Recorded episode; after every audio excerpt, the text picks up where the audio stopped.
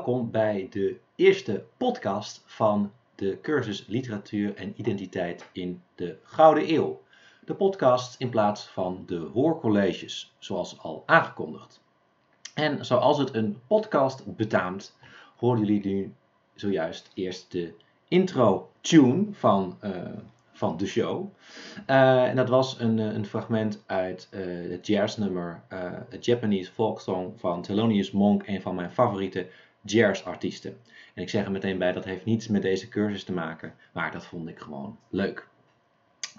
Um, ja, we gaan dus een podcast doen. En dit is de eerste aflevering van die podcast, de introductie. En in die podcast ga ik jullie van alles vertellen over uh, de Nederlandse literatuurgeschiedenis van met name de 17e eeuw. Um, en dat zal ik eigenlijk steeds heel erg doen op een manier waarop ik, ja, waarop ik dat normaal ook live zou doen in een hoorcollege. En er is een bijbehorende PowerPoint, die vind je ook op Brightspace, uh, waar je ook dit, uh, deze geluidsopname hebt gevonden. En ik zal ook steeds proberen aan te geven uh, dat je naar de volgende slide moet, zodat je het kunt combineren. Dat je tegelijkertijd kunt luisteren naar, naar deze opname en de PowerPoint ernaast kunt zetten. Hoewel je natuurlijk ook altijd vrij bent om het op een andere manier aan te pakken.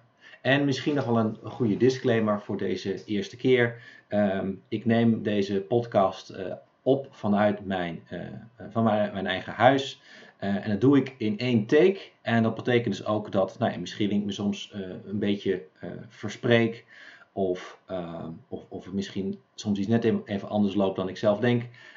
maar goed, dat draagt dan misschien ook alleen maar bij aan de live ervaring die je anders ook zou hebben bij een college. Goed,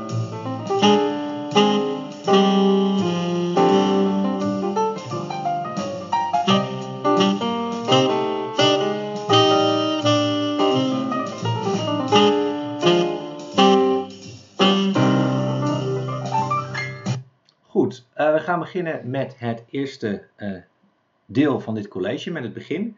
En dat begin dat bestaat uit een klein uh, geluidsfragmentje. En je kan ook meteen doorklikken naar de, uh, de volgende slide. De slide na de, de openingsslide die je misschien al open gaat staan. 17 miljoen mensen op een hele kleine stukje aarde.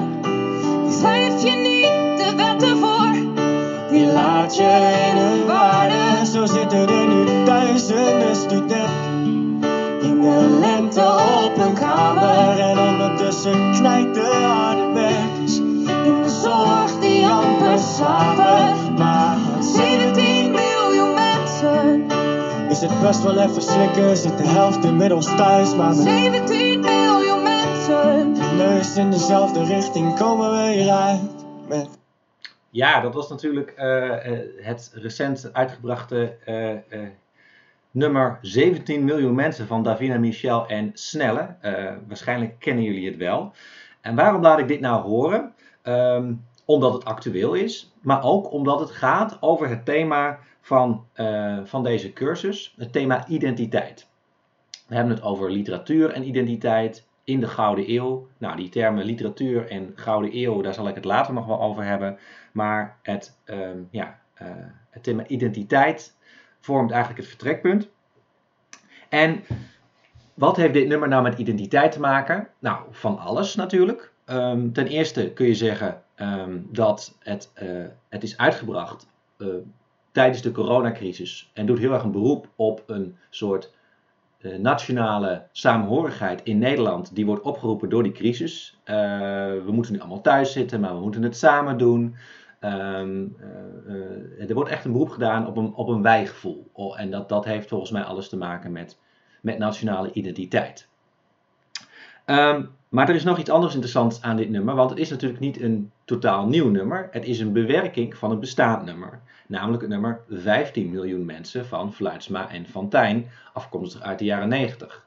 En dat is een nummer dat nog veel sterker verbonden is met de nationale Nederlandse identiteit. Want dat nummer wordt heel vaak gezien als een soort, ja, eigenlijk een soort alternatief volkslied, uh, waarin allerlei dingen worden gezegd over hoe de typische Nederlander zou zijn.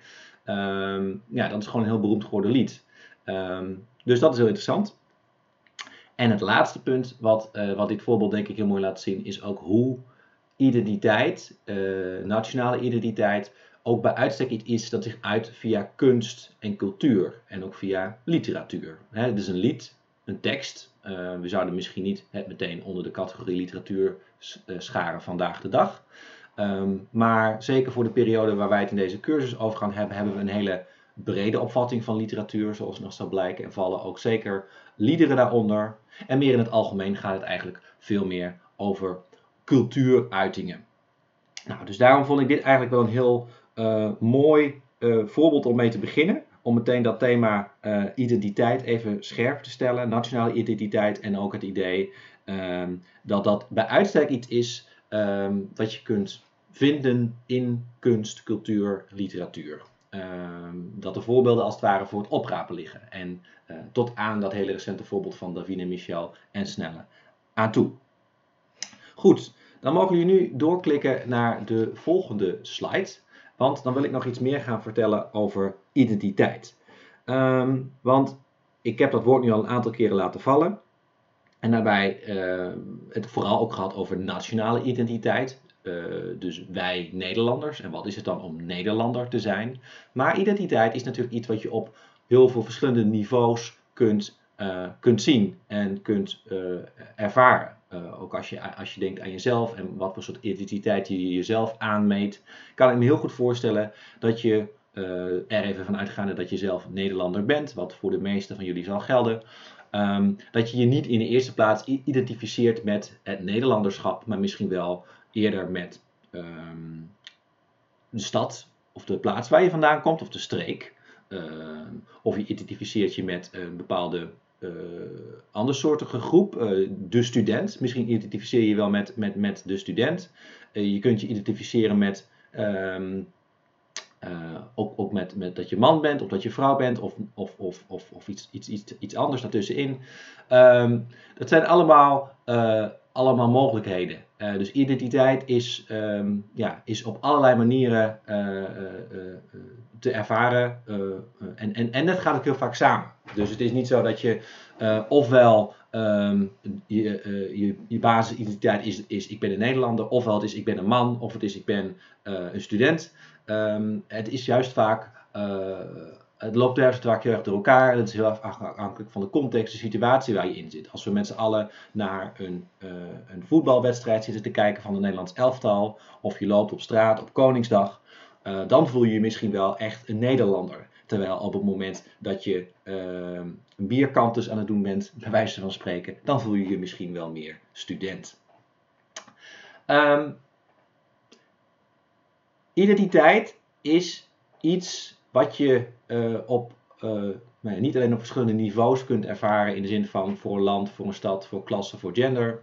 Maar het is ook iets wat, uh, wat zich zowel, ja, op, op, psychisch als op sociaal en als op cultureel niveau afspeelt, zou je kunnen zeggen. En dan hebben we er wat meer over um, ja, hoe je identiteit conceptueel benadert. En dat heeft, denk, dat heeft ook alles te maken met um, um, ja, eigenlijk uh, het wetenschapsgebied van waaruit je kijkt. Uh, je kunt identiteit heel erg vanuit psychologisch perspectief bekijken. En dan gaat het er eigenlijk over van, uh, ja, wat is jouw identiteit als individu? Um, hoe is die opgebouwd? Waar komt die vandaan? nou ja, dat is iets waar, waar psychologen mee bezig kunnen zijn. En wat ook een rol kan spelen in bijvoorbeeld ja, het behandelen van mensen die psychische problemen hebben. Kan ook over identiteit gaan. Um, maar het is ook een sociaal gegeven. Uh, in een samenleving waar we met elkaar samenleven, zijn er ook altijd allerlei verschillende identiteiten. Uh, hebben mensen identiteiten en identiteiten uh, zijn ook bij uitstek dingen die is iets wat, wat, wat, wat, wat zich afspeelt bij het individu, maar wat ook gaat over ergens bij horen, bij een groter geheel. Dus je bent het eigenlijk nooit in je eentje. Al, iedere identiteit is een identiteit van, van, ja, van, van meerdere personen, van een groep vaak ook. Dus het is ook een sociaal gegeven. En daarmee kun je dus ook vanuit sociologisch perspectief kun je identiteit onderzoeken. Kun je kijken van oké, wat voor verschillende soorten groepen hebben we dan in uh, bijvoorbeeld de Nederlandse samenleving. En tot slot, um, en dat is eigenlijk voor deze cursus het belangrijkste, is identiteit ook een cultureel gegeven. Want dat zagen we net al in het voorbeeld van Davine Michel en Snelle. Uh, cultuur in, in brede zin liedjes, teksten, films, vandaag de dag natuurlijk ook, televisieseries. Ehm, al dat soort uitingen zijn middelen waarmee een identiteit neergezet kan worden, vormgegeven kan worden. Ehm, dus door, door zo'n nummer, als, als 17 miljoen mensen en eerder ook 15 miljoen mensen, wordt, een, ja, wordt een Nederlandse identiteit vormgegeven. Um, en dat is het perspectief, zou je kunnen zeggen, van de cultuurwetenschapper, van de, de, geesteswetenschapper. En dat is ook het perspectief dat, dat, dat we in deze cursus zullen hanteren, dat ik zal gebruiken als ik het over identiteit heb. Dus ik heb het dan niet over dat psychische aspect. Ik heb het niet over dat sociale aspect. Ik heb het echt over uh, identiteit als cultureel gegeven. Nou, wat er heel erg hoort bij die benadering van identiteit als cultureel gegeven, hoewel uh, ook psychologen en ook sociologen daar uh, ook wel op dezelfde manier naar kijken, um, is dat identiteit um, eigenlijk algemeen ja, aanvaard wordt opgevat um, als iets wat niet een, een soort ultieme waarheid is, maar wat een constructie is. Dus je identiteit is niet dat wat je sowieso bent, geen essentie zoals het dan wordt genoemd, um, maar het is iets wat gemaakt wordt, uh, wat ontstaat en, en, deels heb je daar zelf invloed op, deels is dat ook een, een groepsproces, een, een, een proces dat zich voltrekt in een cultuur, in een samenleving. en wat dus ook automatisch, omdat het een constructie is, in de loop van de tijd verandert. Um, dus als ik het heb in deze cursus over de Nederlandse identiteit, dan gaan we niet op zoek naar wat is nou de echte Nederlandse identiteit, uh, wat is nou een echte Nederlander, maar dan gaat het veel meer om um, wat voor identiteiten worden er gerepresenteerd in teksten, wat voor ideeën worden er naar voren gebracht, wat voor beelden worden er naar voren gebracht? En in hoeverre, nou ja, dus we merken dat sommige van die beelden herkennen we misschien nog steeds, andere herkennen we eigenlijk niet meer. Um, dus dat is ook de manier waarop we met identiteit bezig zijn in deze cursus. Tot slot um, gaat identiteit um, zowel over zelfdefiniëring, wie ben ik, tot welke groep behoor ik of wil ik behoren, maar gaat ook over erkenning. In hoeverre krijg je ook de ruimte uh, en de kans om jouw identiteit uh, vorm te geven, te, te, te beleven. Um, en dat laatste, dat noem ik er even bewust bij, omdat het um, nou ja, ten eerste raakt aan een, een, vrij actueel punt als we het hebben over identiteit. Um, maar ook omdat het denk ik in algemene zin ja, gewoon belangrijk is om te benoemen. En namelijk het feit dat uh, er steeds meer maatschappelijke discussie is over of ja, alle identiteiten in de samenleving er wel evenveel mogen zijn. En of er niet soms iets te veel ongelijkheid uh, is als het gaat om, uh, om dat thema. Um, uh, machtsongelijkheid. Dus dat misschien sommige identiteiten wel ja, heel, heel onzichtbaar zijn. op televisie, in de film, in, in de cultuur in brede zin. wel een beetje worden weggedrukt. En dan hebben we het eigenlijk over wat um, ja, met de, de, de uit Amerika afkomstige term ook wel identity politics wordt genoemd. Um, hè, dus het gaat over het idee dat, dat er ook actie wordt gevoerd momenteel steeds meer om bepaalde identiteiten, en dan met name uh, rasidentiteiten, uh, hè, identiteiten van, van, van, van niet-witte mensen bijvoorbeeld, um, maar ook genderidentiteiten of, of, of seksuele identiteiten van homoseksualiteit, van transgenders, om die meer aandacht te geven. Um, nou, dat is een thema, dat laatste, waar we het in deze cursus niet heel expliciet over zullen hebben, zeg ik alvast. Maar het is wel goed um, om je te realiseren, vind, vind ik, dat identiteit ook een politieke kwestie is. Uh, dus we hebben het over identiteit in de eerste plaats als cultureel gegeven. Welke, welke beelden, welke identiteit worden er neergezet in teksten. Um, maar dat gaat ook over politiek. Uh, namelijk over macht en over hiërarchie. Wat is de dominante identiteit en wat is juist de meer uh, onderdrukte identiteit? Dan mogen jullie nu even doorklikken naar de uh, volgende slide. Dat is slide nummer 4, waar we inmiddels zijn aanbeland. En daar stel ik de vraag: waarom we, kies ik er nou voor om dat thema identiteit te gebruiken om het met jullie te hebben over het tijdvak van de 16e en de 17e eeuw? Want uiteindelijk is dit een cursus Nederlandse literatuurgeschiedenis. We pakken daar een tijdvak uit. En dat tijdvak dat benaderen we vanuit een thematisch perspectief identiteit. Veel van jullie hebben de cursus over de Nederlandse kanon gevolgd eerder dit jaar. En die, herinneren, die mensen die dat gedaan hebben, die herinneren zich misschien nog dat ik toen ook iets heb gezegd over de spanning die er was in de renaissance tussen het individu en het collectief. Ehm, hè, dat er aan de ene kant gezegd wordt in, in, in, in, eh, in, in de renaissance komt uh, het individu op, is er meer ruimte voor het individu, voor uh, je, jezelf als, als, als ik presenteren in het openbaar. Um, maar er is tegelijkertijd ook een spanning tussen de ontwikkeling van eigen ideeën um, uh, en de macht die er nog steeds heel sterk is bij autoriteiten, de kerk, maar bijvoorbeeld ook de macht van de klassieke oudheid en wat er in de klassieke oudheid allemaal geschreven en gedaan is. Dus er is altijd sprake van, van een soort onderhandeling, zei ik toen, tussen het individu en het collectief. Nou, je kunt je al voorstellen dat, um, ja, dat, dat, dat, dat, die, die spanning ook eigenlijk al heel erg direct raakt aan dat thema van identiteit. Omdat, uh, omdat er meer ruimte komt voor het individu, uh, worden er ook veel individuele identiteiten neergezet. En tegelijkertijd um, ja, zie je juist in het neerzetten van identiteit ook heel sterk uh, welke, ja, um, welke collectieven er dan belangrijk waren, en, en, bijvoorbeeld ook dominant waren, welke de macht hadden en welke niet. Nou, ik heb twee voorbeelden eigenlijk van, daarvan. Eén voorbeeld eigenlijk van meer echt persoonlijke identiteit die wordt uitgedrukt. En ook één van een tekst waarin juist identiteit op een wat meer collectief niveau wordt uitgedrukt. En die voorbeelden die vinden jullie op de volgende slides. Het eerste voorbeeld is van Jan Vos, een dichter uit de 17e eeuw heeft, heeft veel toneelstukken geschreven, maar ook heel veel gelegenheidsgedichten.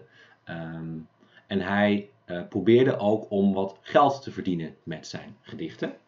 Um, en ik heb hier een gedichtje van hem dat is uh, gericht aan een, ja, een, soort wethouder van Amsterdam, Johannes Hinlopen Jacobsen, schepend Amsterdam.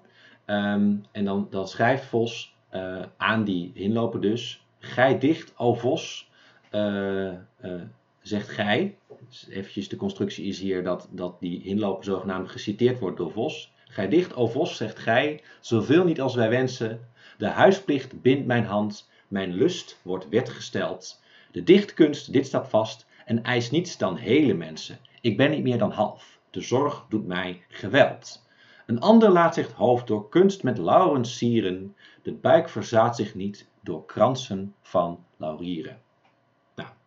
Wat heeft dit kleine gedichtje nou met identiteit te maken? Nou, wat je kunt zeggen is dat Jan Vos zichzelf hier eigenlijk neerzet als een professionele dichter. Dus hij wil hiermee de identiteit van een professionele dichter neerzetten. Um, en ook hoe die, eigenlijk, hoe die, die identiteit uh, onder druk staat. Want hij zegt eigenlijk, de dichtkunst, dit staat vast en eist niets dan hele mensen. Uh, je moet eigenlijk je volledig wijden aan de dichtkunst. Maar hij kan dat niet. Ik ben niet meer dan half de zorg doet mij geweld. Uh, en welke zorg is dat? Dat is die zorg om het huishouden, de huisplicht, die in regel, vers regel 2 genoemd wordt. Um, en in het laatste deel gaat het ook nog een beetje over um, um, ja, wat dan de, de, de waardering is die je kunt krijgen voor gedichten. Uh, namelijk uh, lauweren, laurierbladeren, dus dat is eigenlijk gewoon lof, uh, eer. maar het gaat Vos ook om geld. Hè? Hij zegt de buik verzaat zich niet door kansen van laurieren. Je, je kunt niet eten van, van lauweren. Um, en hij wil wel eten van de dichtkunst. Hij wil geld verdienen met zijn gedichten. Dus hij zegt hier eigenlijk heel veel over wie hij wil zijn. Um, uh, hè, bij welke groep hij wil aansluiten. Eigenlijk de groep van wat dan broodschrijvers wordt genoemd. Mensen die, die leven van de pen. Uh, en ook hoe dat, hoe dat onder druk staat. Dus dat is eigenlijk een heel goed voorbeeld van een gedicht wat je kunt koppelen aan identiteit. Het andere gedicht dat je vindt op slide 6 is van Bredero, de bekende uh, schrijver van uh, kluchten, maar dus ook van heel veel uh, gedichten en liederen. Bredero, begin 17e eeuw. En dit is een sonnet. En um, er staat geen titel boven, maar het, het gaat over Amsterdam, de stad Amsterdam. Dus hier hebben we het echt meer over identiteit, niet van de dichter Bredero zelf, maar van de stad waar hij de inwoner van was. Tot zulke grootheid zal Amsterdam nog komen, dat zij in treffelijkheid zal overwinnen Rome, in deftigheid van raad, in mannelijk geweld, in oorlogsbeleid, in machtigheid van geld. Dat haar geblazen faam zal snorren door de wolken en dreigen met ontzag de wijdgelegen volken. De geel en zwarte moorden, Turk en Persiaan, die zal haar mogendheid om hulp smeken gaan. En onderhandeling met haar als vrienden plegen, met wissel of met waar, naar dat het komt gelegen. En doen gelijkelijk afbreuk en wederstand, den Spanjaard, vijand van ons waardig vaderland, al door het bestieren van Godes voorzienigheden en het heerlijke beleid der staten onze steden. Nou, in dit gedicht wordt ontzettend veel gezegd over die stad Amsterdam en wat die, waar die voor staat. Uh, die staat voor grootsheid, uh, vooraanstaande, ja, heel vooraanstaand. Um, en het is goed om je te realiseren dat um, um, dit een, tijd is waarin Bredero dit schrijft, begin 17e eeuw, waarin Amsterdam enorm in opkomst is. Steeds meer inwoners krijgt, heel erg begint te bloeien, heel erg succesvol wordt. En dat, dat zelfvertrouwen, dat zie je ook heel erg terug in dat gedicht. Het gaat over treffelijkheid in, in versregel 2, dat is voortreffelijkheid. En dat wordt vergeleken met Rome. Nou, op dat moment was Rome echt een eikpunt van um, nou ja, uh, van voortreffelijkheid, zou je kunnen zeggen. Dus als, als, als Predero zegt dat Amsterdam uh, Rome zal overwinnen uh, op een dag, hè, dat is misschien nu nog niet het geval, maar dat, dat, dat gaat wel gebeuren. Nou, dan, dan zegt hij wel echt iets. Dan wordt Amsterdam wel behoorlijk op het schild gehesen. Um, en dat wordt dan vervolgens ook nog concreet gemaakt uh, uh, in zin van waar, in waarin is Amsterdam dan voortreffelijk. Uh, in oorlogsbeleid, dus ja, hoe het zichzelf verdedigt, in machtigheid van geld. Dus het gaat ook heel erg over, um, ja, over, over, over de handel, die voor Amsterdam heel erg belangrijk was. En daar wordt verderop nog wel een beetje op, voortgeborduurd. Ik, ik ga niet het hele gedicht met jullie doornemen, want dat zou iets te veel tijd kosten. Maar daar kun je zelf nog wel eens een keer naar kijken wat er allemaal nog meer in zit. Um, maar bijvoorbeeld in versregel 10 gaat het ook weer over wissel en waar. Dus dan gaat het ook weer over de handel en het geld. En dat dat ook is waar, waar Amsterdam heel erg indruk mee maakt. En waardoor iedereen eigenlijk uh, respect heeft voor Amsterdam. Uh, dus het is echt een, een, een, een heel erg trots op Amsterdam gedicht van Bredero. Wat dus ook heel duidelijk wel gaat over uh, identiteit. Goed, dit waren twee voorbeelden van identiteitsvorming.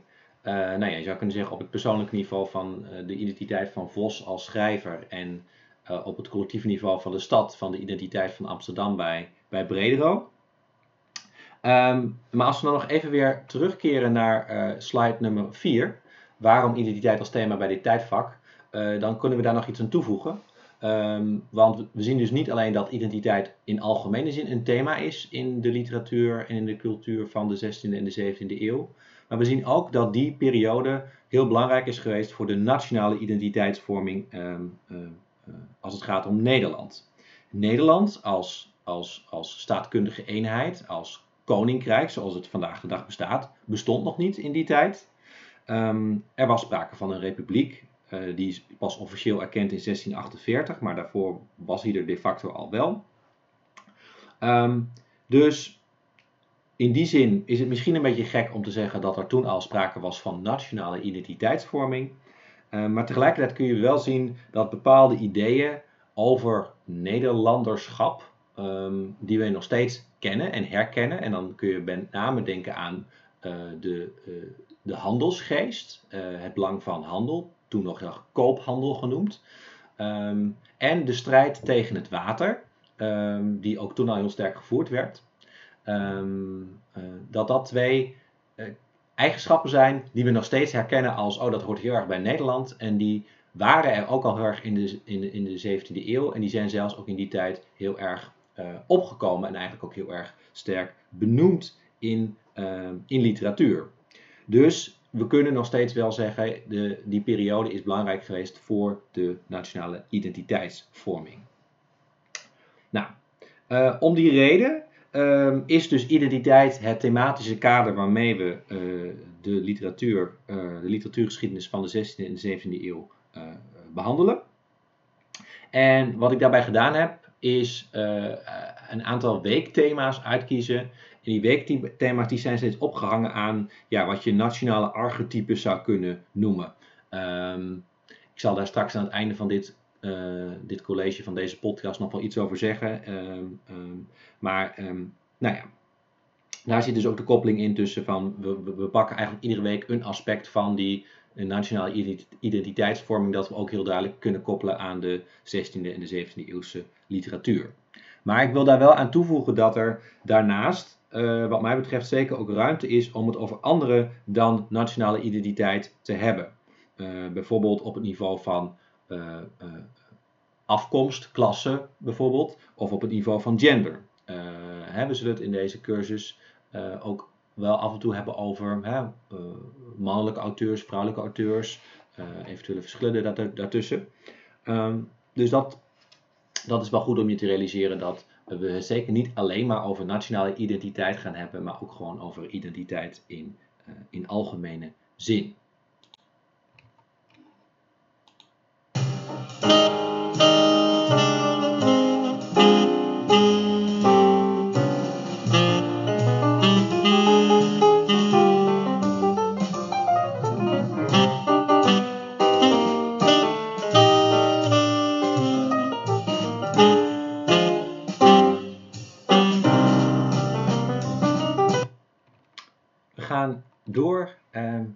Volgend punt en dan zijn we bij slide 7 aanbeland. Want ik heb het nu al een aantal keer gehad over de 16e, 17e eeuw.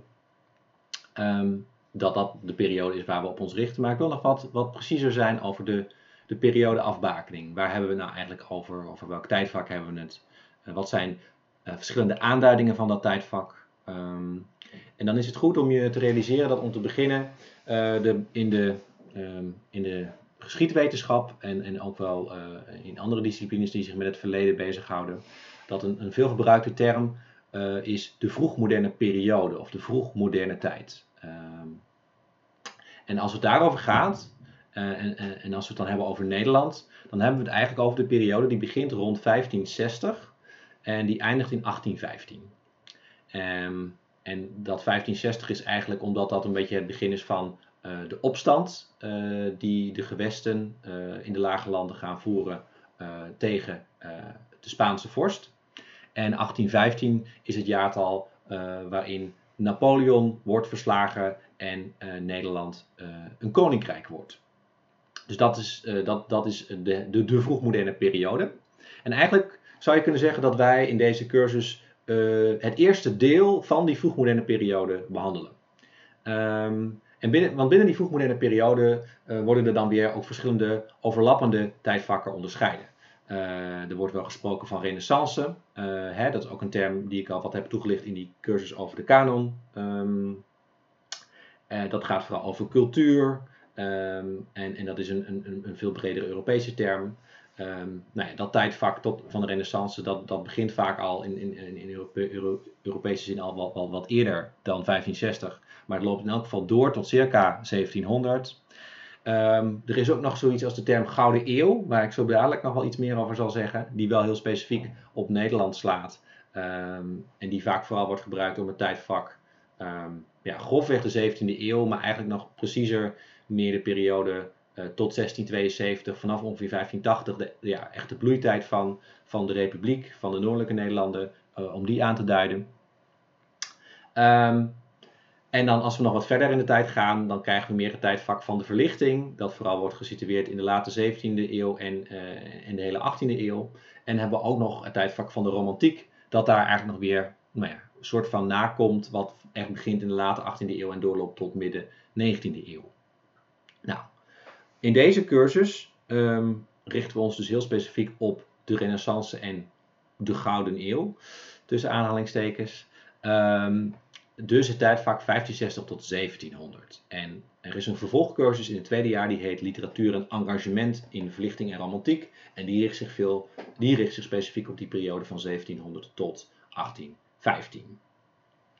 Ehm, en als je dan even doorklikt naar eh, slide 8, dan zie je wat historische eikpunten uh, die horen bij dit tijdvak. En dan begin ik even iets vroeger dan 1560 om ook wat meer de lange lijnen te laten zien. En ik ga ook iets langer door dan 1700.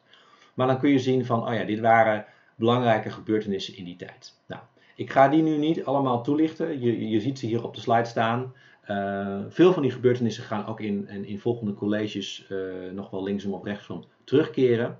Um, waar ik eigenlijk vooral eventjes uh, de nadruk op wil leggen is nu dat er, um, als het gaat over de lage landen, um, hè, dus dan hebben we eigenlijk over het hele gebied van het huidige Nederland, België en Luxemburg, dat er dan in deze periode 16e, eh, 17e eeuw, dat er dan heel duidelijk een scheiding ontstaat tussen de noordelijke Nederlanden en de zuidelijke Nederlanden. Waarbij je eigenlijk kunt zeggen dat de noordelijke Nederlanden een periode van grote economische, culturele en politieke bloei doormaken. Terwijl de zuidelijke Nederlanden, um, um, die staan onder het gezag van Spanje. Um, en die, uh, ja, die, die hebben gewoon minder sterk die, die bloei. En wat je zult merken is dat we het in deze cursus ook veel gaan hebben over literatuur uit de noordelijke Nederlanden en cultuur in de noordelijke Nederlanden. Dat is niet omdat er in de, in de zuidelijke Nederlanden niks interessants gebeurt, um, maar dat is eigenlijk simpelweg omdat er um, ja, over die noordelijke Nederlanden veel meer wetenschappelijk materiaal beschikbaar is. Uh, meer artikelen, meer tekstedities die we kunnen gebruiken. Uh, dus uh, ja, ergens is dat ook wel jammer. Maar en is het dus ook goed om je te realiseren dat die, dat die zuidelijke Nederlanden er ook nog zijn en dat daar wel van alles gebeurt. Hè? En je ziet uh, hier ook al een, een, op deze slide een vetgedrukte term contra-reformatie. Voor de zuidelijke Nederlanden staat de 17e eeuw heel erg in het teken van de contra-reformatie. De reformatie is natuurlijk de, nou ja, um, het verzet tegen de katholieke kerk die uiteindelijk, uiteindelijk leidt tot het protestantisme als nieuwe uh, religieuze uh, stroming. De contra-reformatie is de tegenreactie vanuit de katholieke kerk richting die reformatie. Um, die zich ook heel erg juist in kunst en cultuur heeft geuit. Um, en dat is iets wat we juist in de zuidelijke Nederlanden heel erg zien gaan plaatsvinden. Um, het eindpunt van uh, de bloei in het noorden wordt vaak gelegd in 1672. Dat staat hier ook op de slide als het rampjaar. Een jaar waarin de republiek van, uh, van verschillende kanten werd aangevallen door politieke vijanden.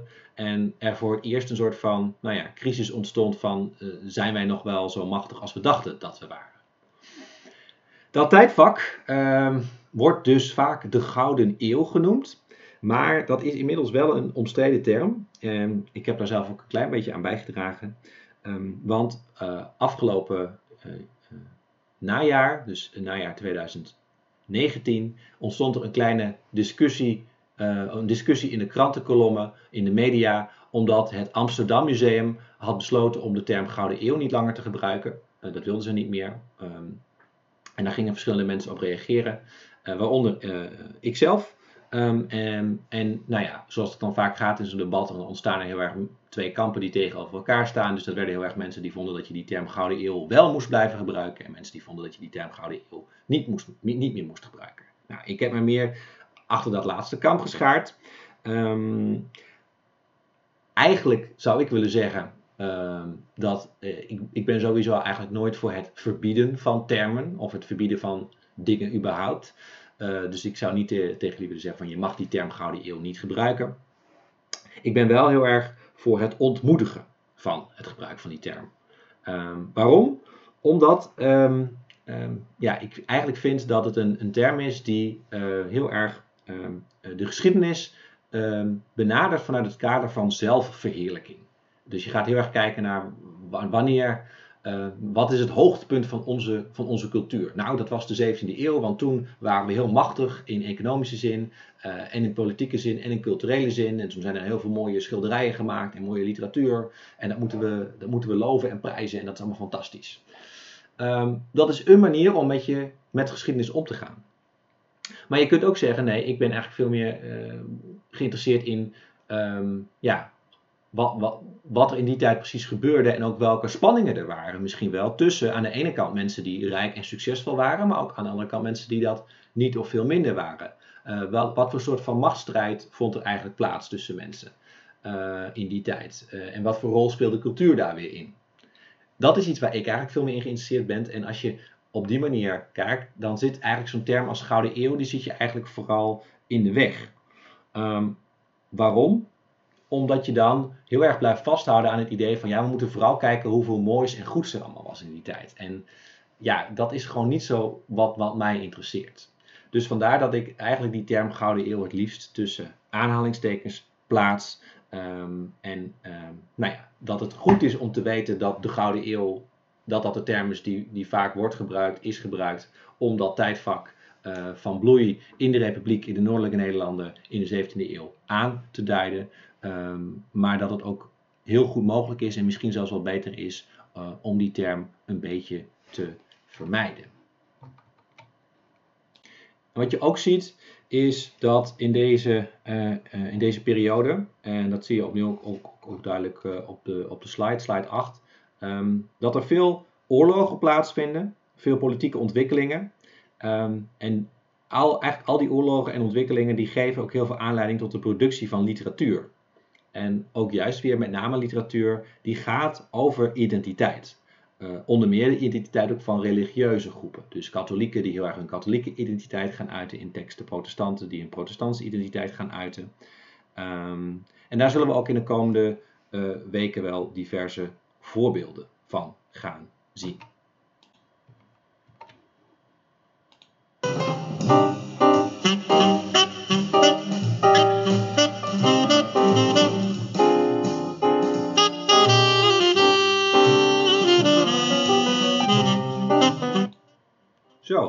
We zijn inmiddels ongeveer halverwege het college. Althans, dat hoop ik. Het is altijd een beetje moeilijk in te schatten. Dat vind ik normaal gesproken bij live hoorcolleges ook.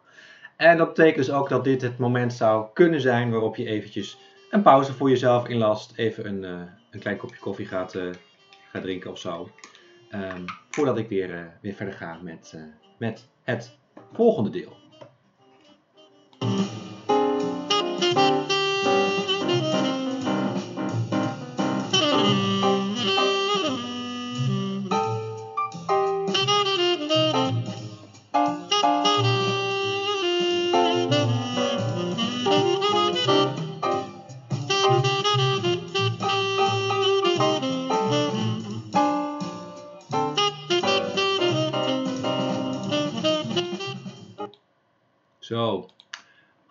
Uh, als jullie allemaal weer terug zijn uh, en klaar zijn om verder te luisteren, dan gaan we weer verder. En wat ik in het eerste deel van het uh, college van deze podcast heb gedaan, om dat even te recapituleren, is eigenlijk ehm, geprobeerd om met name twee elementen uit de titel van deze cursus wat verder uit te diepen. namelijk in de eerste plaats het, het, het, het thema identiteit, wat identiteit betekent um, en, uh, en hoe we dat opvatten in de wetenschap, hoe we dat gaan opvatten in deze cursus. En in de tweede plaats heb ik het met jullie over het tijdvak gehad waarin we ons bevinden, de 16e en de 17e eeuw. In de titel van deze cursus de Gouden Eeuw genoemd, maar ik heb ook al uitgelegd dat ik daar zelf een beetje moeite mee heb. Dus we weten nu eigenlijk wat identiteit is, wat we daaronder verstaan in deze cursus. En we weten over welke periode we het hebben. Um, en eigenlijk ook over welke geografische regio, want we hebben het over de lage landen. En we zullen ons vooral focussen op de noordelijke Nederlanden, dat heb ik inmiddels ook uitgelegd. Maar er zit natuurlijk nog een woord in, deze, in de titel van de cursus en dat is het woord literatuur. En dat is eigenlijk het woord waarover ik het um, uh, in het uh, tweede deel van het college met jullie wil hebben. Nou, hebben jullie het in eerdere cursussen uh, in deze opleiding al wel vaker gehad over het concept literatuur. Wat is literatuur? Wat wordt er onder literatuur verstaan? Toch is dat goed, denk ik, om die, om die vraag uh, steeds weer opnieuw op te werpen. Omdat, uh, zeker als we het hebben over literatuurgeschiedenis, het altijd heel belangrijk is om je te realiseren dat literatuur op verschillende momenten in de geschiedenis iets heel verschillends betekent. Uh, daarom besteed ik ook uh, in dit eerste college vrij uitgebreid aandacht aan. En we zijn nu inmiddels beland bij slide nummer 9. Eh, waar jullie de vraag zien staan: wat moeten we verstaan onder literatuur in de 16e, 17e eeuw? Um, en dat heb ik eigenlijk die vraag heb ik onderverdeeld in een, eh, in een viertal deelvragen. ehm, die ons hopelijk helpen om beter te snappen wat onder literatuur verstaan werd in die periode. Wie zijn de producenten van literatuur? Welke genres worden er beoefend? En hoe wordt literatuur gemedieerd? En tenslotte, waar wordt literatuur geproduceerd? Ehm, maar eerst nog een algemene opmerking. Ehm, eh, en opnieuw verwijs ik even terug naar de, de cursus over de Nederlandse kanon, eh, die toch eigenlijk ook een soort basis vormt voor deze cursus. eh, en ook voor veel van jullie zal dat gelden. En daarin heb ik eigenlijk ook al iets verteld over, nou ja, over dit vraagstuk. Ehm, ik heb toen namelijk verteld dat eigenlijk alleen dichtkunst, eh, teksten die gevat zijn in versen, op rijm, in principe ook altijd met metrum, dat dat eigenlijk het enige is wat telt als echte literatuur. En dat proza, eh, dat dat eigenlijk nog nauwelijks als literatuur wordt gezien. Ehm, en daar hoort natuurlijk wel de disclaimer bij dat eh, ook toneelstukken eh, en ook het genre van het epos, het heldendicht, dat dat ook dichtkunst is. Eh, dus dat dat ook in versvorm werd gepresenteerd en dat dat dus wel bij de literatuur hoort. Toch zul je zien dat we in deze cursus wel wat proza behandelen. Bijvoorbeeld ook al in deze eerste week gaan we het hebben over proza van Kornhert. En dat kunnen we eigenlijk doen omdat de insteek van deze cursus niet zozeer is wat, eh, wat is de kanon, uh, wat, wat wordt gezien als het hoogtepunt van de literatuur, maar, hoe, maar veel meer hoe zag de, cultuur, de textuele cultuur in de lage landen, in de noordelijke Nederlanden, hoe zag die eruit in brede zin. En daarbij speelt proza wel degelijk een rol, want er werd wel degelijk van alles in proza geschreven, uh, zoals we nog zullen gaan zien. Um, dus dat eigenlijk in algemene zin over wat moeten we verstaan onder literatuur in de 16e en 17e eeuw. Zou ik zeggen, het, het algemene antwoord is alles wat een tekst is, of heel duidelijk met tekst te maken heeft, dat kunnen we in brede zin verstaan onder literatuur in de 16e en 17e eeuw. Maar daarbij gaan we wel zien dat de kern van de literatuur dus anders is dan die vandaag de dag is. Uh, bijvoorbeeld omdat de roman, geschreven in proza, vandaag de dag heel erg wordt gezien als een toonaangevend uh, medium van literatuur. Hè, dat het met name ook de romanschrijvers zijn die wij echt als, uh, ja, als literaire auteurs zien vaak, waar we ook literaire prijzen aan toekennen en dat soort dingen. Um, terwijl dus juist in de 16e en 17e eeuw de roman een heel laag aanzien had, uh, zoals ik zo meteen nog wel even zal laten zien. Um, dus dat zijn duidelijke verschillen. We gaan naar de volgende slide. Um, en dat is de eerste deelvraag. Wie zijn de producenten van literatuur in de 16e en 17e eeuw? He, dus dat is eigenlijk steeds wat je erachter moet denken. We hebben het over de betekenis van literatuur in dit specifieke tijdvak. En wat je dan ziet als je het um, nou ja, wat meer sociaal-economisch en sociaal-cultureel bekijkt, van wat is eigenlijk de afkomst van de gemiddelde schrijver, dan zie je dat het vooral mannen zijn uit de hogere sociale klasse. Um, maar daar hoort ook wel meteen een, een, een kanttekening bij, want uh, het uh, begrip elite is in de Republiek in de 17e eeuw een nogal rekbaar begrip. Um, dus we zien in de literatuur uh, een aantal auteurs, bekende auteurs, ook die echt echt wel heel elitair zijn. Die echt wel uit de, de hoogste kringen komen. Bijvoorbeeld P.C. Hoofd, die de zoon was van een, um, van een notabele, van een bestuurder en zelf ook bestuurder was trouwens. En ook Constantijn Huygens, de bekende Constantijn Huygens, um, was ook van hoge kom af, had ook een hele hoge bestuurlijke functie in de Republiek. Hij was namelijk een persoonlijk secretaris van verschillende stadhouders. Dus dat zijn echt schoolvoorbeelden van uh, schrijvers die echt uit, de, uh, echt uit de elite komen. Maar we hebben ook iemand als Joost van den Vondel. Joost van den Vondel was een middenstander. Hij had een textielwinkel in Amsterdam. Ook Bredero was afkomstig uit de middenklasse. Ook Jan Vos was afkomstig uit de middenklasse, zelfs nog iets lagere middenklasse.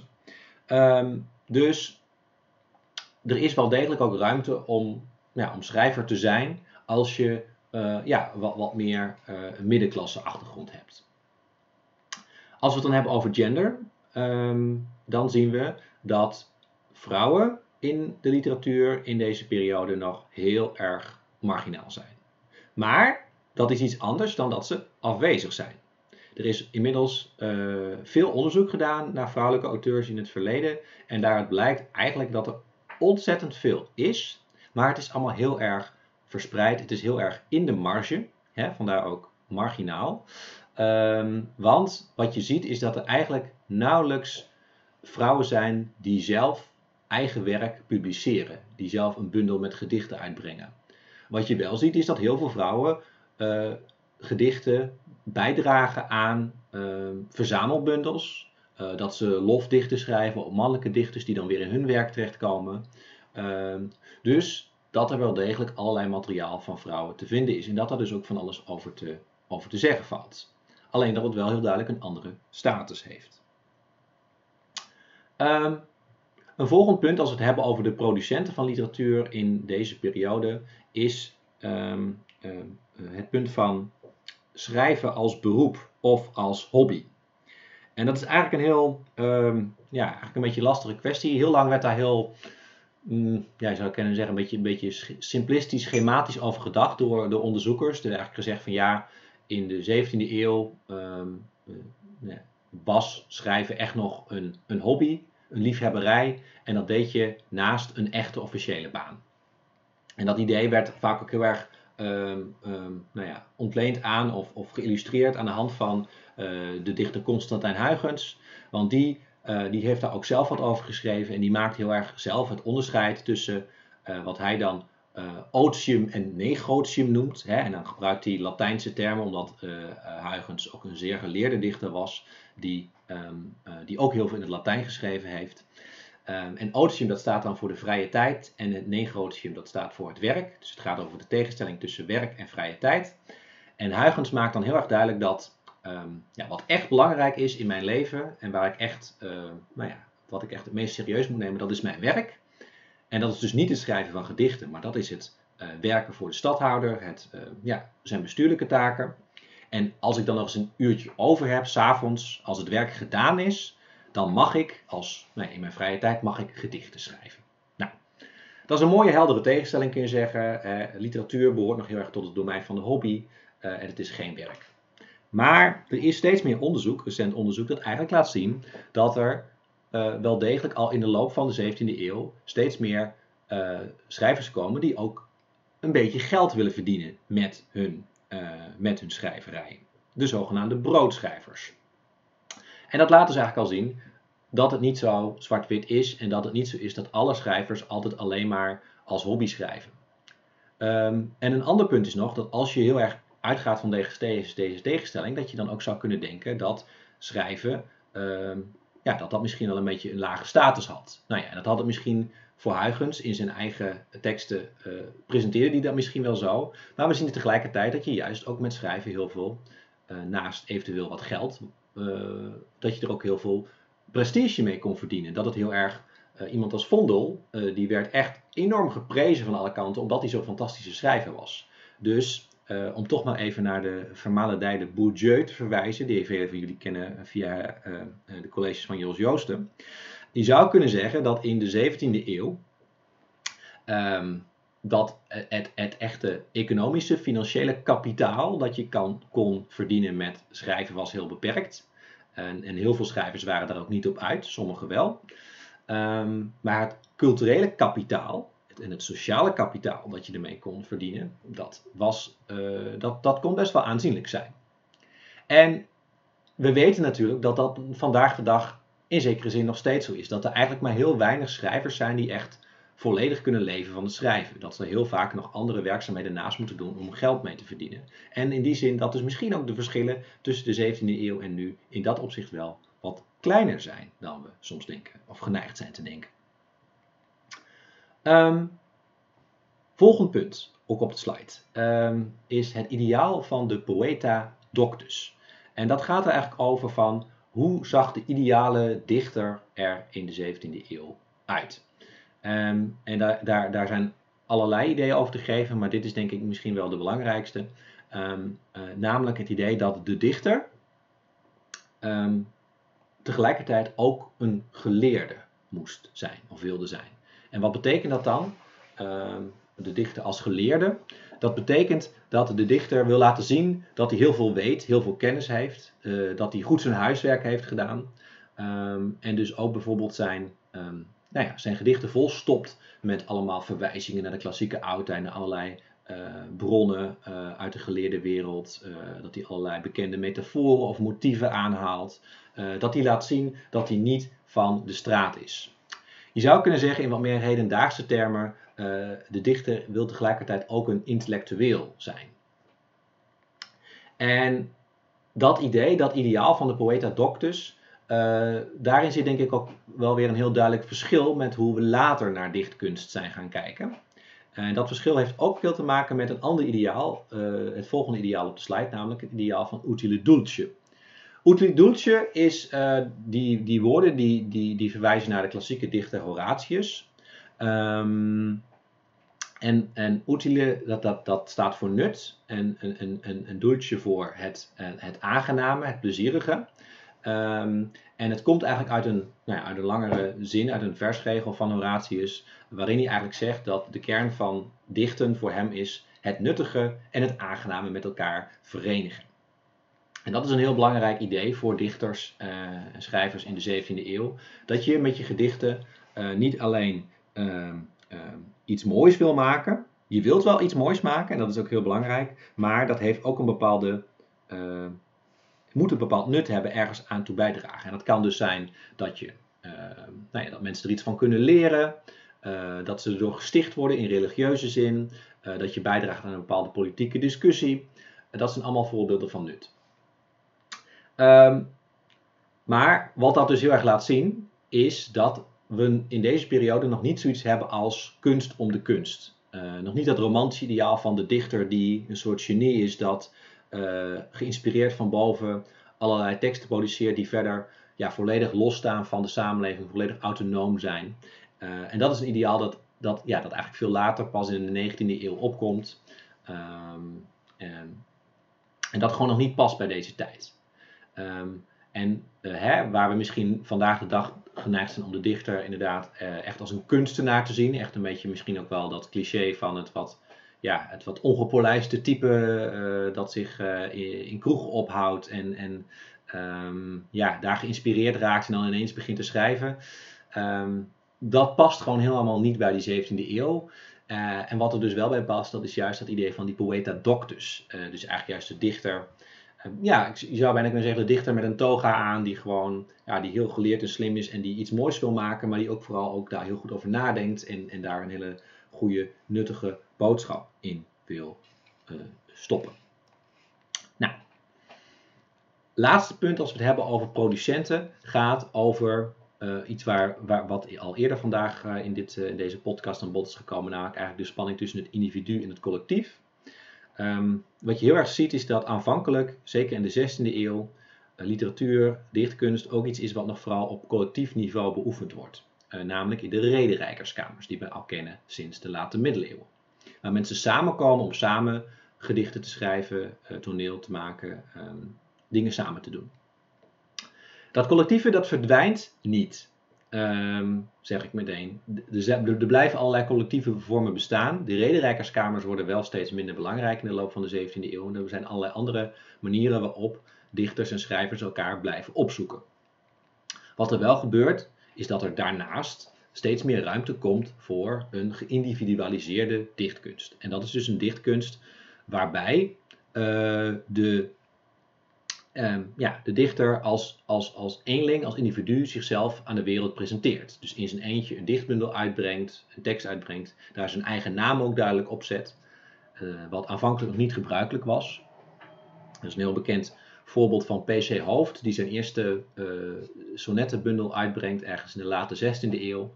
En dan zet hij zijn naam er nog niet op. Dus dan, dan, dan, dan, wordt, dan staat er wel dat het een dichtbundel is, maar dan staat er niet bij dat het P.C. Hoofd is. En dan een paar decennia later, dan brengt Hoofd, heeft dan intussen nog heel veel meer geschreven. En dan brengt hij weer iets nieuws uit. En dan staat zijn naam juist heel prominent aanwezig. En dan is er zelfs sprake van een auteursportret. En dan zie je dus dat ineens dat individu, dat ik van de dichter, dat dat veel meer er mag zijn. Dat je veel meer, nou ja, om het even in, in, in, hippe termen te zeggen, dat je veel, veel meer mag shinen eigenlijk als dichter. Dat je jezelf mag laten zien. Dus dat is een hele duidelijke eh, verandering. Dan komen we bij eh, de vraag welke genres worden er beoefend. En dan zitten we bij slide nummer 11. Ehm, ik heb er al wel iets over gezegd. Want ik vertelde jullie al dat de roman, in tegenstelling tot vandaag, in de uh, 17e eeuw nog een hele lage status was. Dat als je uh, eer wilde behalen, als je roem wilde hebben als, als schrijver, als dichter dus eigenlijk, dan schreef je geen romans. Maar wat schreef je dan wel? Mm, dan schreef je poëzie, zeker, van alle uh, nog bekende dichters uit de 17e eeuw. Vondel, Hoofd, Huygens, Cats, kennen we een heleboel poëzie, uh, waaronder veel sonnetten. Uh, hè, de sonnetten met 14 regels. Heel veel van die gedichten werden gemaakt naar aanleiding van specifieke gelegenheden, zoals bruiloften, het overlijden van mensen, maar ook politieke gebeurtenissen, zoals dat de vrede was uitgeroepen. Hè, bij het uitroepen van de vrede van Münster in 1648 leidt dat ook tot heel veel gedichten, bijvoorbeeld. Um, dus dat is een hele belangrijke categorie. um, die ook vooral zoveel gevonden wordt, zou je kunnen zeggen, omdat het ja, relatief makkelijk is om in korte tijd in gedichten te schrijven en vervolgens ook te publiceren of gepubliceerd te krijgen. Um, terwijl dat voor andere genres, zoals bijvoorbeeld toneelstukken, een stuk minder geldt. En nou ja, ik had het natuurlijk net al over uh, het, het, dichten in de vrije tijd versus uh, uh, het dichten als beroep. Um, nou ja, dat dat een beetje een, een schemergebied is, maar alsnog denk ik wel dat je kunt zeggen dat de tijd om te kunnen dichten was zeker, ja, was voor veel dichters zeker niet eindeloos. Uh, dus dan, dan, dan, is het, nou, dan is het gewoon makkelijker om een gedicht gepubliceerd te krijgen dan een toneelstuk. Bovendien werd, uh, werd het ook heel erg zo gezien dat je, nou ja, dat er heel duidelijk een hiërarchie in genres was, waarbij eigenlijk de roman überhaupt niet meetelde maar poëzie wel. Maar waarbij eigenlijk een toneelstuk of een epos, een heldendicht, dat waren eigenlijk de, uh, de, de, koningen van, van, van, de, van, van de literaire genres. Daar, daar kreeg je het meeste prestige mee. Maar dat betekende ook dat als je zoiets wilde doen, dat je dan wel al uh, een beetje ervaring moest hebben en geoefend moest zijn. Dus je ging niet zomaar beginnen met je, dat je allereerste stukje tekst dat dat een toneelstuk zou worden, laat staan een epos. Dan begon je eerder met het schrijven van gedichten. Dus vandaar dat we veel gedichten hebben uit de 17e eeuw, uh, veel poëzie. Daarnaast toch ook nog wel de nodige toneelstukken, want dat, ja, die werden toch wel veel gepubliceerd. Juist ook omdat je er wel veel eer mee kon uh, uh, behalen. Ook al kostte het dan wat meer tijd. Um, en je moet je daarbij ook realiseren dat het schrijven van een toneelstuk toen nog veel belangrijker werd gevonden dan eigenlijk vandaag de dag. vandaag de dag worden er nog steeds toneelstukken geschreven. Bijvoorbeeld door Tom Lanois. Is een, heeft veel, veel toneelstukken, veel toneelteksten geschreven, maar ook allerlei andere schrijvers. Toch is daarvoor de hedendaagse literatuur heel weinig aandacht voor, voor toneel. Uh, en het komt eigenlijk ook omdat uh, toneel zelf, het theater, uh, heel erg veranderd is in de loop der tijden. En tegenwoordig te draait theater veel meer om het, het spel, de performance zoals het dan wordt genoemd um, het acteren. Dus het gaat ook om allerlei fysieke elementen, om de relatie met het publiek in de zaal. Um, en daarbij is, is, is tekst eigenlijk nog slechts een van de vele elementen. Terwijl in de 17e eeuw theater draaide echt om tekst en om voordracht. Dus eigenlijk, er waren ook nog geen regisseurs bijvoorbeeld. Uh, eigenlijk was de schrijver van het toneelstuk, die speelde ook een belangrijke rol in de, in de opvoering van het toneelstuk vaak. En de opvoering van het toneelstuk bestond ook vooral uit het, het voordragen van die teksten. Um, en toneel was dus ook nog eens uh, een, genre met veel aanzien. En dat ging eigenlijk terug tot de klassieke oudheid. Uh, in de klassieke oudheid uh, had toneel een hoog aanzien. En zeker de tragedie, het ernstige toneel. Daar had Aristoteles allerlei dingen over geschreven. Over hoe een goede tragedie eruit moest zien. Nou, die ideeën die kwamen in de loop van de 17e eeuw. Werden die ook steeds meer weer opgepikt in, in de Nederlanden. Werden die eigenlijk een beetje herontdekt en ook weer opnieuw uitgeprobeerd. Met name iemand als Vondel is daar ook heel veel mee bezig om dan de toneelwetten van Aristoteles in de praktijk te brengen. Um, dus, en, en, en ja, de, de, klassieke oudheid was op dat moment gewoon nog een heel sterk eikpunt voor de literatuur, voor de dichtkunst. En, en dat vertaalde zich ook naar, naar de genres en de status van de genres. Dus toneel was iets wat we kenden uit de klassieke oudheid.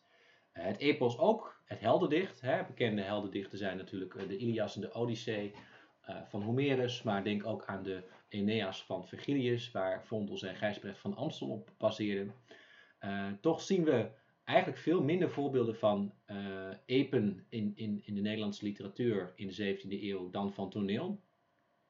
Um, en dat komt eigenlijk omdat maar heel weinig mensen het zich aandurven om een epos te schrijven. Dat werd toch als, als een heel ja, moeilijk genre gezien, nog moeilijker dan toneel. Hè? Het, ging ook vaak om nog veel langere teksten, uh, bestaande uit meerdere delen. En ja, we zien gewoon in de praktijk dat, dat weinigen het, het aandurven en dat de mensen die het wel aandurven, zullen soms ook een beetje in vastlopen. Iemand als Vondel probeert op een gegeven moment, maar loopt er toch ook een beetje in vast.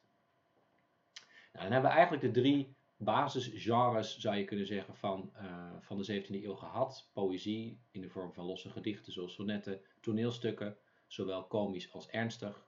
Uh, en uh, het epos, ook al is dat dan het heldendicht, al is dat dan wat minder echt aanwezig. Um, en die zou je zelfs ook met een beetje fantasie nog kunnen vergelijken met de, vandaag de dag ook de hoofdstromen die we nog hebben van wat dan lyriek wordt genoemd en epiek epos en dramatiek, ook al is uh, epiek tegenwoordig natuurlijk vooral in de vorm van proza te vinden. Maar er zijn nog een heleboel andere genres die ook worden beoefend in de 17e eeuw. En sommige daarvan zullen we zien langskomen, andere ook niet. Uh, ik noem er hier op de slide uh, een paar. Ik noem om te beginnen het lied. Uh, dat doe ik omdat er heel veel gezongen werd in de 16e en 17e eeuw. mensen ook heel veel aan samenzang deden. Uh, en dat was ook bij uitstek iets uh, waarbij teksten, gezongen teksten dus, uh, konden bijdragen aan identiteitsvorming. Dat je samen een lied zingt waarin je samen ja, bepaalde ideeën uit over hoe je je, hoe je je groep of je cultuur of je religie ziet. Um, dus het is ook een belangrijk genre voor het thema identiteit. En nou ja, we hebben eigenlijk al een voorbeeld gezien van, van vandaag de dag, van dat lied van 17 miljoen mensen. Dat laat zien dat nog steeds eigenlijk liedteksten uh, ja, ook een belangrijk onderdeel zijn van onze textuele cultuur. En ook al zien we ze niet in de eerste plaats als, nou ja, vandaag de dag dan als literatuur met een hoofdletter L, uh, wel degelijk van belang als we nadenken over de Nederlandse cultuur en de geschiedenis daarvan. Dus liederen zullen we ook zeker in deze cursus gaan tegenkomen. De volgende die je ziet staan is de samenspraak. Um, wat is dat? Dat is eigenlijk een, een, een, tekst waarbij twee personages een dialoog voeren. Um, en dat is eigenlijk een vorm die, die kun je ook nog terugvoeren tot de klassieke oudheid. Je kunt dat bijvoorbeeld terugzien in de, de, de teksten van uh, Plato, wat ook dialogen zijn tussen Plato en Socrates. En er zijn ook allerlei andere voorbeelden uit de klassieke oudheid van dialogen. Dat genre zien we ook heel veel terug in de 17e eeuw in de Nederlandse literatuur. Um, we gaan het onder andere ook al zien deze week bij Kornhert. Die, uh, in, de, in, de, in de verzameling proza van Kornhert zitten ook een aantal samenspraken. Het is dus proza, dus het geeft wel aan, hier zitten we niet meer in het, in het domein van de, van de dichtkunst. Um, en het wordt veelal ingezet als een didactisch middel, dus om een bepaalde opvoedkundige boodschap over te brengen. Of ook wel om te opiniëren, om, om, om een mening te uiten over een bepaald maatschappelijk onderwerp. En in, in, uh, in beide vormen gaan we het tegenkomen. Um, en ja, ik denk dat het toch ook echt wel een belangrijk genre is voor de, voor de, voor de 17e eeuw. Tot slot een roman waar ik het al, uh, waar ik het al een aantal keer over gehad heb inmiddels. Uh, wat kan daarover gezegd worden? Nog verder. Um, nou, dat, het, um, dat hij nog niet bestaat in de moderne vorm. Dat wil zeggen, de romans die wij nu kennen zijn vaak psychologische romans, zou je kunnen zeggen, waarin we heel erg in het hoofd van één of meerdere personages zitten, de gedachten, de gevoelens heel erg meekrijgen van een personage. En dat type roman, dat ontstaat eigenlijk pas in de loop van de 18e eeuw. En dat, dat, dat zou je de moderne roman kunnen noemen. Uh, het soort romans waar we het over hebben in de 17e eeuw, dat zijn eerder avonturenromans, uh, waarin een bepaald hoofdpersonage uh, allerlei, ja, vaak een beetje doldwaze dingen meemaakt. En dat hoofdpersonage, dat is vaak ook een, een beetje een een boef, zou je kunnen zeggen, een schelm. Uh, iemand die, nou ja, die niet al te nauw neemt met, uh, met, met, met de normen en waarden. Um, en dat heeft ook wel mede ervoor gezorgd dat de roman in die tijd een, laag aanzien had uh, binnen de nou ja, culturele elite. Um, dat die, omdat die teksten waren ook vaak wel een beetje controversieel. Er, zat soms eh, ook wel wat, wat schunnigheid en seks in.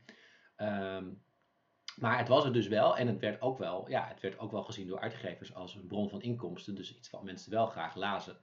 Dus uh, het is zeker ook wel een interessant onderdeel van dat literaire veld uit de 17e eeuw. En we gaan daar ook nog een voorbeeld van zien. Uh, wat later in de cursus uh, staat er één roman op het programma. En dat is ook meteen maar een pornografische roman zelfs. Dus ehm, ja, het wordt nog, misschien gaan jullie nog wel rode oortjes krijgen bij het lezen van een van de teksten van deze cursus. Um, en dan staat er als laatste en meer, want er zijn dus nog heel veel meer genres in die tijd, behalve deze die ik hier nu noem. Uh, maar uh, die laat ik voor nu even links liggen. Ga ik door naar uh, de volgende slide, slide 12. Hoe wordt literatuur gemedieerd? Um, en dat is een relevante vraag, omdat jullie, zeker degene van jullie die een, de, de, de colleges over literaire theorie hebben gevolgd eerder dit jaar, al weten dat de invloed dat het medium waarin je iets publiceert, waarin iets tot ons komt, dat dat ook heel erg veel invloed heeft op de inhoud, de betekenis van, van een werk, van een literair werk. Um, en dat, uh, dat idee, dat principe, dat wordt heel vaak gevat in, een hele beroemde quote van een mediawetenschapper, um, Marshall McLuhan, al in de jaren 60 een keer gedaan. The medium is the message, die eigenlijk zegt, de manier waarop iets tot ons komt, uh, de, de, de, drager van uh, ja, van een tekst is ook uh, bepalend voor, ja, voor hoe die tekst uh, ervaren wordt, wat voor betekenis we eraan geven. Dus is het goed om daarbij stil te staan. En dat is dus echt nog weer iets anders dan genres. Genres gaat eigenlijk echt meer over ja, bepaalde vormconventies van, van, nou ja, en ook thematische conventies van binnen de literatuur.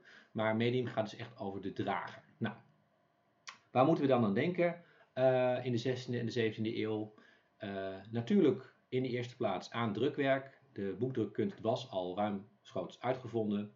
Um, dus men kon gewoon via gedrukte teksten uh, kennis nemen van, van allerlei dingen.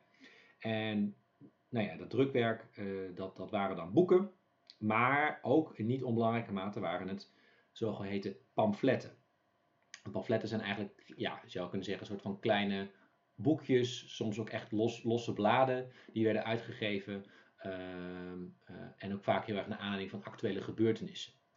Uh, over pamfletten gaan we het nog heel uitgebreid hebben in een van de latere eh, afleveringen van deze podcast. Dus daar ga ik niet te veel over zeggen. Maar in elk geval goed om te weten dat drukwerk dus meer is dan alleen eh, de boeken ehm, zoals we die nou ja, nu nog steeds kennen.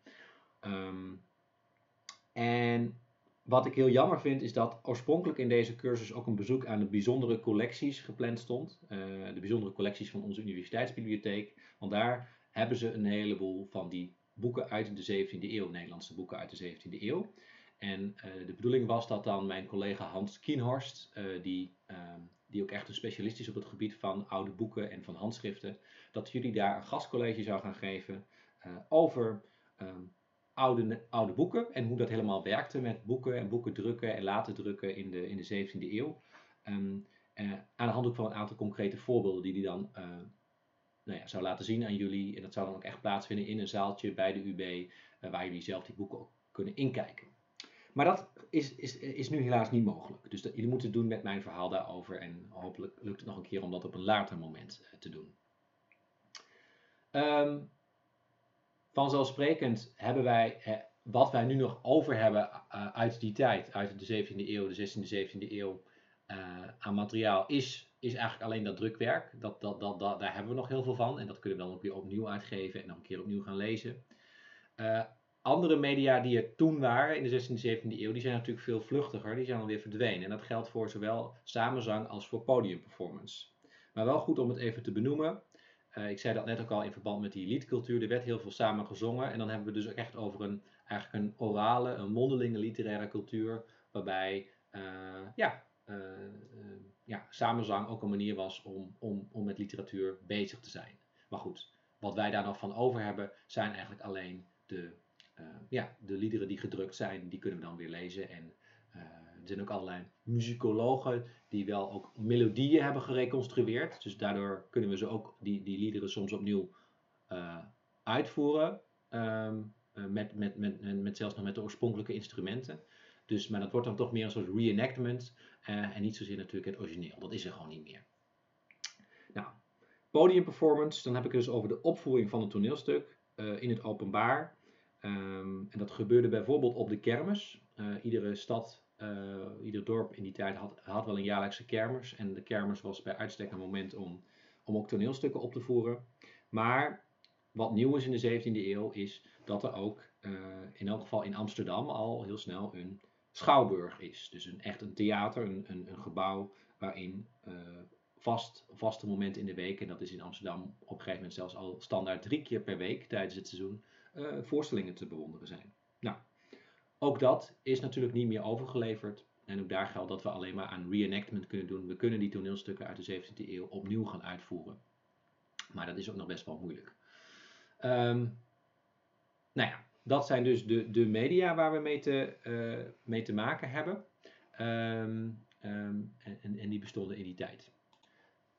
Gaan we naar de laatste deelvraag die ik heb gesteld eh, onder het kopje van eigenlijk wat is literatuur in de 16e en de 17e eeuw. Eh, waar wordt literatuur geproduceerd? Slide 13. Ehm, nou, ehm, dan moeten we ook meteen eigenlijk even de koppeling maken met die media waar ik het net over had.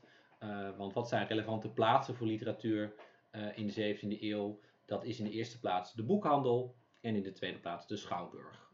Ehm, en daarnaast zou je natuurlijk ook nog allerlei andere openbare plekken kunnen noemen. De kroeg, de straat, waar misschien wel samen gezongen werd. Maar goed, ehm, dat is wat minder eh, grijpbaar. Ehm, de boekhandel zag er nog iets anders uit in de 17e eeuw dan, dan vandaag de dag. Tegenwoordig is een boekhandel echt voor een verkooppunt van boeken. Eh, dus daar liggen allemaal boeken in de winkel en die heeft die boekhandelaar zelf weer ingekocht bij eh, wat tegenwoordig het Centraal Boekenhuis eh, eh, eh, heet, is. Ehm, in de 17e eeuw eh, was, eigenlijk, er was er veel meer vermenging tussen de rol van de drukker, de uitgever en de boekhandelaar. Dus heel veel ehm, eh, boekhandelaars waren ook uitgevers en hadden ook een drukkerij. Ehm, en tegelijkertijd kochten ze ook weer boeken in bij collega's die eh, hun eigen boeken drukten. Eh, dus eigenlijk was het ehm, ja, een soort verzamelplek, zo'n boekhandel, waar je boeken kon kopen die dan door deze boekhandelaar zelf waren uitgegeven en waren gedrukt. Eh, maar ook boeken die door anderen waren gedrukt en die die weer had ingekocht. Ehm verreweg de meeste van die boekhandels zaten, eh, wat, de, wat de Nederlander betreft, eh, in Amsterdam. Amsterdam was een hele belangrijke plek als het ging om de productie van boeken. Niet alleen voor ons eigen taalgebied, maar voor heel Europa. Ehm, en dat had alles te maken met het feit dat er in veel omringende landen een veel strengere censuur was. Eh, dat er veel minder gepubliceerd mocht worden. En dat gold met name voor Frankrijk in de 17e eeuw. En dat betekende dus dat heel veel Franse auteurs die dingen schreven die dan eigenlijk niet door de censuur zouden kunnen komen, dat die hun Franse boeken, Franstalige boeken, lieten drukken in Amsterdam. Of soms ook wel in Den Haag, maar vooral in Amsterdam.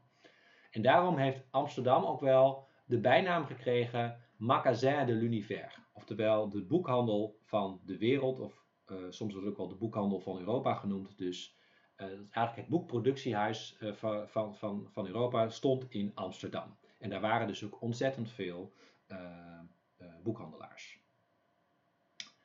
Ehm, die verkochten teksten, boeken. Eh, en mensen konden dat lezen, maar mensen konden die boeken natuurlijk ook weer aan elkaar doorgeven. Soms werden ook teksten, en met name die pamfletten waar ik er net al even over had, als het echt één blad was, dan werd dat ook wel eens in het openbaar opgehangen. Konden mensen het ook lezen of ze konden het aan elkaar voorlezen. Ehm, want de geletterdheid was best hoog in Nederland in die tijd, maar niet iedereen kon lezen natuurlijk.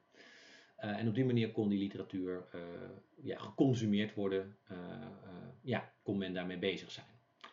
Ehm, nou ja, de Schouwburg is de andere relevante plek die ik noem, met name natuurlijk voor het toneel.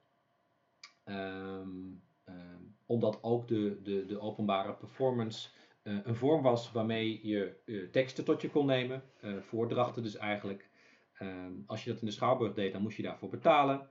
Maar dat wilde niet zeggen dat het meteen iets alleen voor de elite was, want er waren allerlei verschillende categorieën van, eh, eh, van kaartjes, van, van hele goedkope waarbij je ergens achteraan moest staan, tot hele dure waarbij je een, een loge voor jezelf had. En dat betekent dus ook dat eigenlijk eh, een, een hele brede dwarsdoorsnede van de Amsterdamse bevolking in die schouwburg zat. En je dus ook echt wel via die weg, ja, ook, ook, echt wat lagere klassen wel in aanraking konden komen met bijvoorbeeld een toneeltekst van Vondel. Ehm, geografisch gezien, eh, als we dan de vraag stellen waar wordt literatuur geproduceerd, dan zien we heel duidelijk dat er veel meer literatuur in de stad dan op het platteland wordt geproduceerd. In de steden. Want de steden zijn de plekken waar de boekhandelaars zitten. Ehm, dus dat is ook vrij logisch. Ehm, en dan zie je nog weer binnen de Republiek heel duidelijk dat het epicentrum is echt Amsterdam. Daar zitten echt tientallen drukkers, uitgevers. En in heel veel kleinere steden eh, ja, zijn het een pa- hooguit een paar, zeg maar. Ehm, dat leidt er ook toe dat als we naar de teksten kijken die wij nu nog kennen uit de 17e eeuw, dat we heel veel teksten hebben uit het gewest Holland, eh, wat het meest verstedelijkte gewest was van de Republiek. En daarbinnen ook nog eens weer een grote meerderheid uit, Amsterdam. Maar dat komt dus gewoon omdat daar echt het epicentrum was. Ehm, overigens is dat tot op zekere hoogte nog steeds zo. De, de meeste uitgeverijen, zeker literaire uitgeverijen, op dit moment zitten in Amsterdam. Die zitten allemaal, of heel veel zitten in de Amsterdamse grachtengordel. En ook nog steeds heel veel schrijvers wonen in Amsterdam of identificeren zich heel erg met Amsterdam. Dus eigenlijk is dat idee van Amsterdam als epicentrum, dat is nog steeds heel erg sterk. Eh, dat wil natuurlijk niet zeggen dat er niets was buiten de verstedelijkte gebieden. Eh, ook op het platteland was men met literatuur bezig, maar daar gebeurde dat wel wa- waarschijnlijk iets meer in, ehm, in mondelinge vorm. En er waren bijvoorbeeld nog wel heel veel lokale rederijkerskamers, eh, dus daar was men wel met literatuur bezig. En wat ook wel gebeurde is dat je rondreizende eh, boekverkopers had, de zogenaamde marskamers, die ook wel allerlei andere dingen verkochten, maar zeker ook boeken. En op die manier kon men toch ook in een, in een dorp eh, wel eventueel aan een boek komen.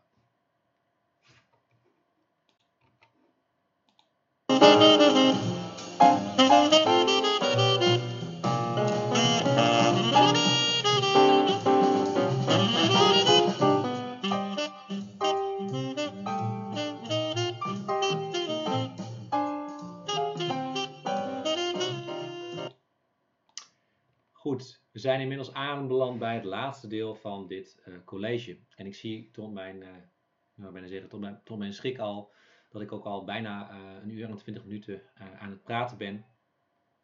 Dus dat, het is eigenlijk ook een goed moment daarvoor. Ik wil nog een paar dingen met jullie bespreken. En die zijn iets meer ehm, praktisch van aard. Die gaan iets meer over hoe we in deze cursus met, ehm, nou ja, met het materiaal dat we hebben gaan werken, met de thema's die we hebben gaan werken. Ehm, dus ik sluit eigenlijk een beetje het deel af waarin ik echt nieuwe inhoud aan jullie presenteer. Eh, daarom vat ik het toch nog een keertje samen. Wat hebben we eigenlijk gedaan vandaag eh, op, dat, op inhoudelijke vlak? Het was echt een inleidend college. En wat ik eigenlijk geprobeerd heb is om de drie kernelementen van de titel van deze cursus, namelijk literatuur, identiteit en gouden eeuw, om die wat verder in te kaderen door jullie eerst wat meer te vertellen over dat eh, concept identiteit. Vervolgens meer te zeggen over het tijdvak waar we mee te maken hebben, 1560 tot 1700, de 16e en de 17e eeuw. En tot slot wat meer te zeggen over wat literatuur eigenlijk betekende in de 17e eh, en de 16e eeuw. Dan kunnen jullie nu doorklikken naar slide 14 en dan staat de vraag hoe benaderen we primaire teksten in deze cursus? En het gaat er eigenlijk over ehm, ja, de vraag ehm, van methode. Dus eh, op- welke manier zijn we bezig met het materiaal dat we ter beschikking hebben. Ehm, en nou hebben jullie natuurlijk al eh, ervaring daarmee van eerdere cursussen en ook ervaring met nou ja, echt wat meer methodes van kijken naar literatuur via eh, de, de, de colleges poëzieanalyse en verhaalanalyse die jullie hebben gehad. Ik denk dat veel van de dingen die je daar geleerd hebt, dat je die ook heel goed kunt toepassen in deze cursus. En tegelijkertijd is de aanpak die we hier volgen net wat anders dan, bij, nou ja, dan, dan wat je gewend bent van poëzieanalyse en verhaalanalyse. Want wat we eigenlijk niet of, of, of vrij beperkt zullen gaan doen, is echt heel erg in detail een gedicht uitpluizen of, of een verhaal uitpluizen. Ehm, wat we wel gaan doen, is heel scherp proberen te kijken bij alle teksten die we behandelen naar de vorm en de inhoud en de samenhang daartussen. Uh, want we zijn geïnteresseerd in uh, de boodschap die uit de tekst te halen valt, de betekenis die we eraan kunnen toekennen. Maar we willen daar wel op een, nou, op een beetje systematische manier naar kijken en daarbij ook vooral wel letten op wat doet de vorm eigenlijk precies met de inhoud. Uh, ik denk dat dat heel typerend is voor een letterkundige blik. Uh, je let heel erg op vorm, maar de vorm staat nooit op zichzelf. De vorm genereert een bepaalde betekenis en dat is wat we willen ontdekken. En als we het dan specifiek hebben over teksten uit de 16e en de 17e eeuw, dan zul je merken dat daarbij niet alleen maar nou ja, de, de, de literaire middelen, uh, uh, zoals bijvoorbeeld metaforen of andere vormen van beeldspraak of allerlei soorten stijlfiguren, ehm, of meer nou ja, narratologische aspect, aspecten, dat dat niet het enige is wat ertoe doet als het gaat om het genereren van betekenis. Ik heb jullie eerder al verteld dat um, in de in de 17e eeuw dat het principe van utile dulce heel belangrijk was. Nut en uh, het nuttige en het aangename verenigen. Ik heb jullie ook verteld over het ideaal van de poeta doctus, de, de dichter die ook een geleerde is. En uh, eigenlijk beide aspecten leiden er ook toe dat teksten in de 16e en 17e eeuw, dat dat niet um, louter mooie, mooie kunstwerkjes zijn met allebei mooie, mooie zinnen en mooie woorden. Ik bedoel, dat is er ook wel, absoluut. Maar dat het ook uh, vaak kleine betoogjes of grotere betogen zijn. Dat er geargumenteerd wordt. Uh, dat er ook heel erg intensief gebruik wordt gemaakt van retorica. En retorica in die tijd, dat is echt ook klassieke retorica. Dat is gebaseerd op klassieke ideeën uit de klassieke oudheid over hoe je moet argumenteren, hoe je moet redeneren. En dat betekent dus dat we ook echt gaan kijken naar hoe wordt er in de teksten die wij behandelen, hoe wordt er geargumenteerd. En argumentatie, nou dan kun je natuurlijk gewoon ook weer opnieuw denken aan inhoud. Welk argument wordt er opgevoerd? Maar ook dat kun je heel erg benaderen vanuit het perspectief van vorm. Uh, je kunt bijvoorbeeld kijken van wat, wat is de retorische structuur van, van een bepaald gedicht? Uh, hoe wordt het geopend? Uh, wordt er op een bepaalde manier een soort stelling geïntroduceerd? Wordt hier vervolgens ook met bepaalde argumenten onderbouwd? dat zijn allemaal dingen waar we, waar we naar gaan kijken. En natuurlijk, waar dat van toepassing is, kunnen we ook gebruik maken van meer narratologische aspecten van structuur. En dus niet alleen kijken naar uh, nou ja, de opbouw van een betoog, maar bijvoorbeeld ook de opbouw van een verhaal. Hoe wordt het verhaal verteld? In welke volgorde worden de gebeurtenissen gepresenteerd? En wat voor effecten heeft dat dan weer? En tot slot is ook stijl natuurlijk een belangrijk vormaspect dat ook weer veel zegt over betekenis. is iets in een hele verheven stijl geschreven of juist in een behoorlijk uh, ja, een beetje lompe, platte stijl. Uh, en wat doet dat vervolgens met de betekenis van een tekst? Um, en eigenlijk is mijn, mijn, mijn opdracht aan jullie is, als je de primaire teksten leest, hè, iedere week hebben we een primaire tekst die centraal staat. En je moet daar een weekopdracht over maken. En die weekopdracht gaat eigenlijk vooral vaak over het verband tussen die primaire tekst en secundaire literatuur die je moet lezen. Um, maar los daarvan zou ik je eigenlijk willen vragen om, als je die tekst leest, en deze week is dat dus de tekst van Kornhert, uh, volgende week is het bijvoorbeeld het Wilhelmus, om dan steeds in je achterhoofd die vraag te houden, centrale vraag met behulp van welke literaire en retorische middelen wordt een bepaalde boodschap overgebracht. Hoe zit die tekst nou eigenlijk retorisch, structureel in elkaar? Probeer dat gewoon, ja, probeer je eigenlijk een beetje die blik eigen te maken. En dat is toch ook iets waar ik wel, voor zover daar ruimte in, voor is in die tutorials op, uh, uh, op de donderdagen, steeds ook wel een beetje aandacht aan wil besteden. Um, dus dat gaat eigenlijk over de methode. Dan gaat de volgende slide, uh, slide 15, gaat eigenlijk over de structuur van de cursus. En dan vooral de thematische structuur, die heel erg samenhangt met de primaire teksten die we behandelen. Um, ik heb weekthema's gemaakt, dat heb ik al eerder in deze podcast verteld. En die zijn eigenlijk losjes gebaseerd op eigenschappen die we vandaag de dag vaak aan Nederlanders toeschrijven. Maar ik, ik, ik wil daar wel een hele belangrijke disclaimer bij maken. Uh, dit is heel erg, uh, ik zou zeggen, een pragmatisch kader en geen ultieme waarheid. Je ziet hier zeven thema's staan, zeven typen Nederlanders. eh, de tolerante Nederlander, de oranje gezinde Nederlander, de botte Nederlander, de, de discussierende Nederlander, de vrolijke Nederlander, de seksbeluste Nederlander en dan tot slot, het is eigenlijk geen type Nederlander, maar de Nederlander en de ander. Maar dit zijn niet de, de typen, de enige typen die er zijn of de belangrijkste typen die er zijn. Ehm, het gaat er eigenlijk veel meer om dat ik dat thema identiteit een beetje op een ja, enigszins gestructureerde manier in deze cursus wilde introduceren. En daarbij ook heel erg gekeken heb naar welke primaire teksten wil ik behandelen en welke type Nederlanders passen bij die primaire teksten. En dan ontdekte van hé, hey, de tekst van Cornet, die sluit heel erg aan bij het beeld van de tolerante Nederlander. Het Wilhelmus kun je met de oranje gezinnen Nederlander combineren, et cetera. Dus dat is heel erg hoe dat, uh, hoe je dat moet zien. Um, nou, je kunt hier dus zien uh, wat de thema's zijn per week en wat de uh, teksten zijn die erbij horen. Er is één keer is er geen primaire tekst bij de vrolijke Nederlander. En dat komt omdat er, dat een week is waarin er geen werkcollege, geen tutorials zijn. Ik geloof dat dat de week van uh, hemelvaart is. Um, en er zijn ook, er is ook in elk geval één week, uh, en dat is week 3. Uh, de Botte Nederlander, daar, daar is dan weer geen hoorcollege, geen podcast bij, want dan zitten we op bevrijdingsdag. Dus er is niet altijd en een hoor- en een werkcollege. Er zijn wel in totaal, zoals je ziet, zes primaire teksten. Um, want die horen bij de zes tutorials die er zijn. En bij die tutorials hoort ook iedere keer weer een, een weekopdracht die je, die je moet maken. Maar goed, dat soort dingen kun je allemaal terugvinden in de studiehandleiding. Uh, en die heb ik zelfs ook in de introductievideo van, van een paar weken terug al aangekondigd. Dus dat ga ik hier niet nu nog allemaal een keertje zitten herhalen. Maar dan weet je in elk geval dat dit de grote lijn is van de cursus. en ook een beetje de gedachte achter de cursus dat we iedere week gaan kijken vanuit een bepaalde, bepaald stukje Nederlandse identiteit. En daarnaast ook nog zeker wel voor ruimte zullen hebben om, om, om aan te denken over andere vormen van uh, identiteit.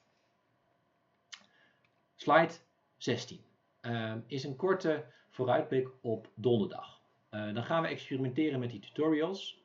Um, maar voordat we dat gaan doen, moeten jullie eerst de weekopdracht inleveren. En die moet je inleveren woensdag, 12, woensdag 15 april, 12 uur middags uiterlijk, via Brightspace. Um, het is heel belangrijk om die uh, opdrachten te maken, want die vormen ook heel erg de basis van de tutorials op donderdag. Dus op het moment dat jij je opdracht niet hebt gemaakt, kun je eigenlijk ook niet goed meedoen aan de tutorial. Um, je krijgt feedback op je weekopdrachten van een studentassistent, dat is Katelijn Voice. Um, die, zal ze, die feedback zal ze leveren via Brightspace, maar wel alleen als je je opdracht op tijd hebt ingeleverd. En ze gaat in totaal twee keer feedback leveren. Um, uh, dus op twee van de zes opdrachten krijg je persoonlijke feedback van een studentassistent. Um, bij de overige opdrachten geldt dat we ze steeds gaan bespreken tijdens de tutorials. En dat je dan je vragen kunt stellen. En dat ik misschien ook wel wat algemene opmerkingen zal, zal, zal geven. Maar dan ga ik dus niet in een tutorial aan iedereen persoonlijk vertellen wat, wat ik van jouw opdracht vond. Uh, dat doe ik dan niet. Um, de tutorials, daar is een schema voor. Dat staat op Brightspace. Bovendien ben je ook al ingedeeld. We gaan gebruik maken van de Virtual Classroom. Ik vind het nog steeds spannend of dat allemaal gaat werken. Ik heb begrepen dat het heel erg helpt als je uh, geen wifi, maar een vaste internetkabel gebruikt. Maar ik weet niet of jullie allemaal die mogelijkheid hebben. Voor mijzelf is dat bijvoorbeeld op dit moment ook ingewikkeld. Um, dus we gaan kijken hoe, hoe ver we daarin komen. Um, er zijn wat algemene regels geformuleerd vanuit de faculteit voor die uh, virtual classroom. Uh, natuurlijk ten eerste wees op tijd, dus zorg gewoon dat je op tijd uh, in die virtual classroom aanwezig bent. sluit alle andere programma's en tabbladen voordat je aan de virtual class begint en test je geluid en microfoon. Zodat je weet van ik kan ook gewoon goed meedoen. Zet je telefoon ook even op stil of leg die even elders neer. Um, wat ik daar nog aan toe wil voegen, ik zie dat ik dat nu, ja, uh, wat, wat ik nog wel belangrijk vind, is dat ik het ook heel fijn vind als je je weekopdracht, je eigen weekopdracht en je uh, tekst, de primaire tekst van die werk, dat je die bij de hand hebt. Dus dat, je, dat we daarover kunnen praten en dat je dan ook kunt kijken van, oh, wat had ik opgeschreven en, en wat staat er hier precies in de tekst. Um, dus, dus, dus dat wil ik graag wel eigenlijk dat je bij de hand hebt. En, en ja, tot slot, het blijft een experiment. Het is en blijft een experiment. Dus we gaan op donderdag gewoon merken hoe goed of hoe slecht dat gaat. Um, en gaan gewoon kijken hoe ver we komen. Dat blijft gewoon het uitgangspunt. Zijn we bij uh, slide 17, de laatste slide aanbeland. Uh, en, en, dat gaat eigenlijk over nou ja, het vervolg op, op deze podcast. heb je vragen over deze podcast, over de inhoud, over wat ik heb verteld, over dingen die je op de slides hebt gezien? Stel ze via het discussieforum op Brightspace. Ik ben vandaag, dinsdag 14 april, aanwezig tussen 12 en 1 op dat forum om meteen je vragen te beantwoorden. En dan kan iedereen ook zien wat de antwoorden zijn. Een beetje net zoals dat zo zou gaan als we in een echte uh, collegelokaal zouden zitten. Heb je nou vragen over praktische zaken rondom de cursus, over weekopdrachten of aanwezigheid in de virtual classroom of nou ja, noem maar op. Um, mail mij dan uh, op uh, en uiteraard, voordat je dat doet, kijk wel even goed of de informatie niet toch is te vinden in de studiehandleiding of op Brightspace, want daar staat echt al wel heel veel op. Goed, nou, ehm, dat was het dan voor vandaag. Uh, ik ga zo dadelijk de, de eindtune er weer in gooien en dan, dan hoop ik jullie allemaal aan te treffen op donderdag in de Virtual Classroom. En misschien sommigen zo dadelijk al ehm, nou ja, sommige, van sommige vragen te zien verschijnen in een discussieforum. Ehm, en via deze weg, via de podcast, ehm, ehm, eh, horen jullie mij volgende week weer.